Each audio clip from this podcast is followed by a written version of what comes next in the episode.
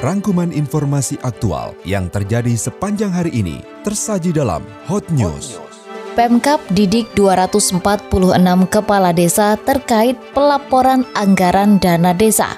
Jokowi minta BNPB siapkan skenario hadapi wabah virus corona. PSM Makassar perkenalkan tiga pemain baru. Bersama saya Oki Nuryanti, inilah Hot News. Selengkapnya setelah Traffic Info.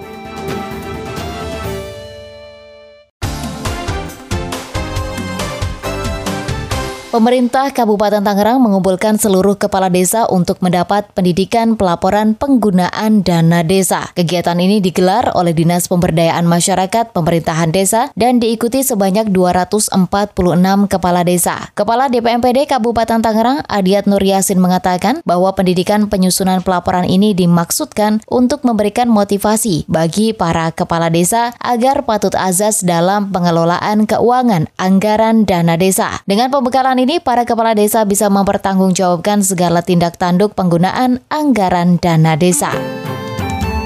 Hujan yang mengguyur sebagian wilayah Kabupaten Tangerang mengakibatkan banjir dan longsornya irigasi yang ada di Kampung Kalapa, Desa Sindang Sono, Kecamatan Sindang Jaya. Musibah tersebut menjadi perhatian pemerintah. Bupati pun langsung meninjau lokasi longsor irigasi tersebut bersama Camat Sindang Jaya serta Kepala Dinas Bina Marga dan Sumber Daya Air. Bupati menyampaikan akan mengundang para stakeholder dan pengembang agar duduk bersama untuk merumuskan penanganan banjir di Kabupaten Tangerang, baik jangka pendek hingga jangka panjang ke depan.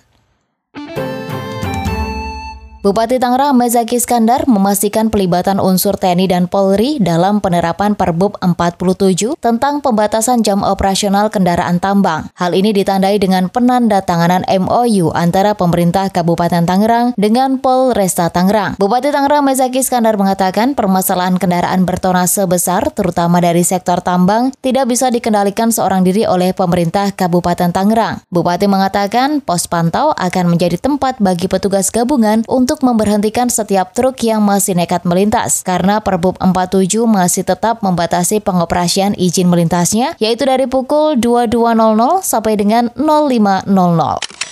Jokowi minta BNPB siapkan skenario hadapi wabah virus corona. Berita selengkapnya setelah selingan berikut ini.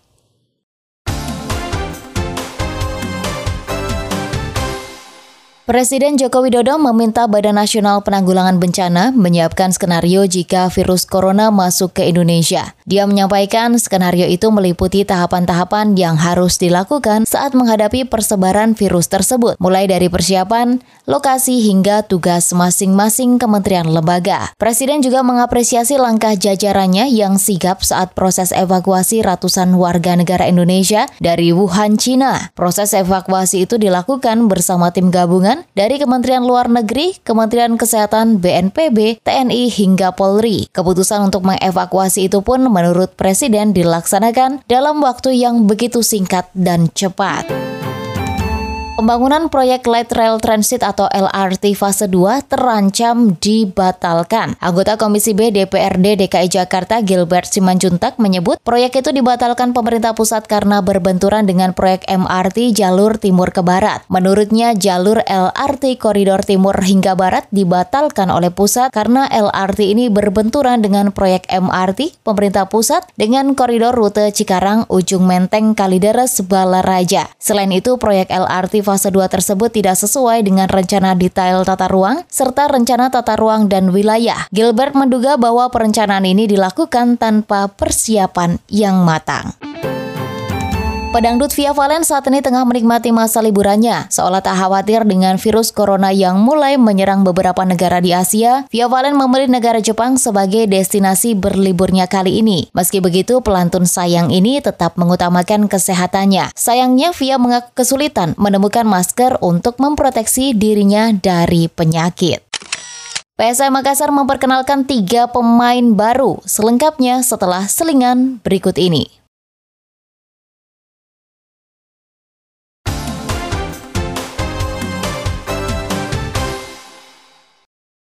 PSM Makassar memperkenalkan tiga pemain baru, sebanyak dua pemain ex Barito Putra, satu lainnya penggawa Juku Eja musim lalu. Dua ex Barito Putra yang dikontrak PSM adalah Roni EF Bero Perai dan Yakob Sayuri, sementara satu pemain lama yang dikontrak lagi yakni Firza Andika. Ada saja yang mencibir langkah Alex Marquez gabung Repsol Honda dengan bilang itu tak lepas dari faktor Mark Marquez sang kakak. Tapi Alex cuek dan tetap fokus. Repsol Honda memilih Alex sebagai pengganti Jorge Lorenzo yang pensiun akhir musim lalu. Dipilihnya Alex tak lepas dari keberhasilannya menjadi juara dunia Moto2 bersama tim Mark VDS. Alex dianggap bisa menggantikan Lorenzo yang performanya tidak memenuhi harapan. Kedatangan Alex diharapkan bisa memacu Mark untuk tampil lebih baik. Para pemain Indonesia terus menggenjot persiapan ke kejuaraan bulu tangkis bergu Asia 2020 di Filipina. PBSI juga minta jaminan penyelenggara terkait antisipasi virus corona. Kejuaraan bulu tangkis bergu Asia berlangsung di Manila mulai 11 hingga 16 Februari. Kejuaraan tersebut tidak hanya menjadikan kualifikasi Thomas dan Uber Cup, tapi juga menawarkan poin Olimpiade 2020. Namun seperti diketahui, saat ini sejumlah negara justru tengah dilanda virus corona. Terbaru Filipina melaporkan korban meninggal pertama di luar Cina akibat virus tersebut. PBSI tak menepis muncul kekhawatiran soal virus corona yang semakin menyebar, apalagi atletnya bakal bertanding di Filipina sepekan lagi.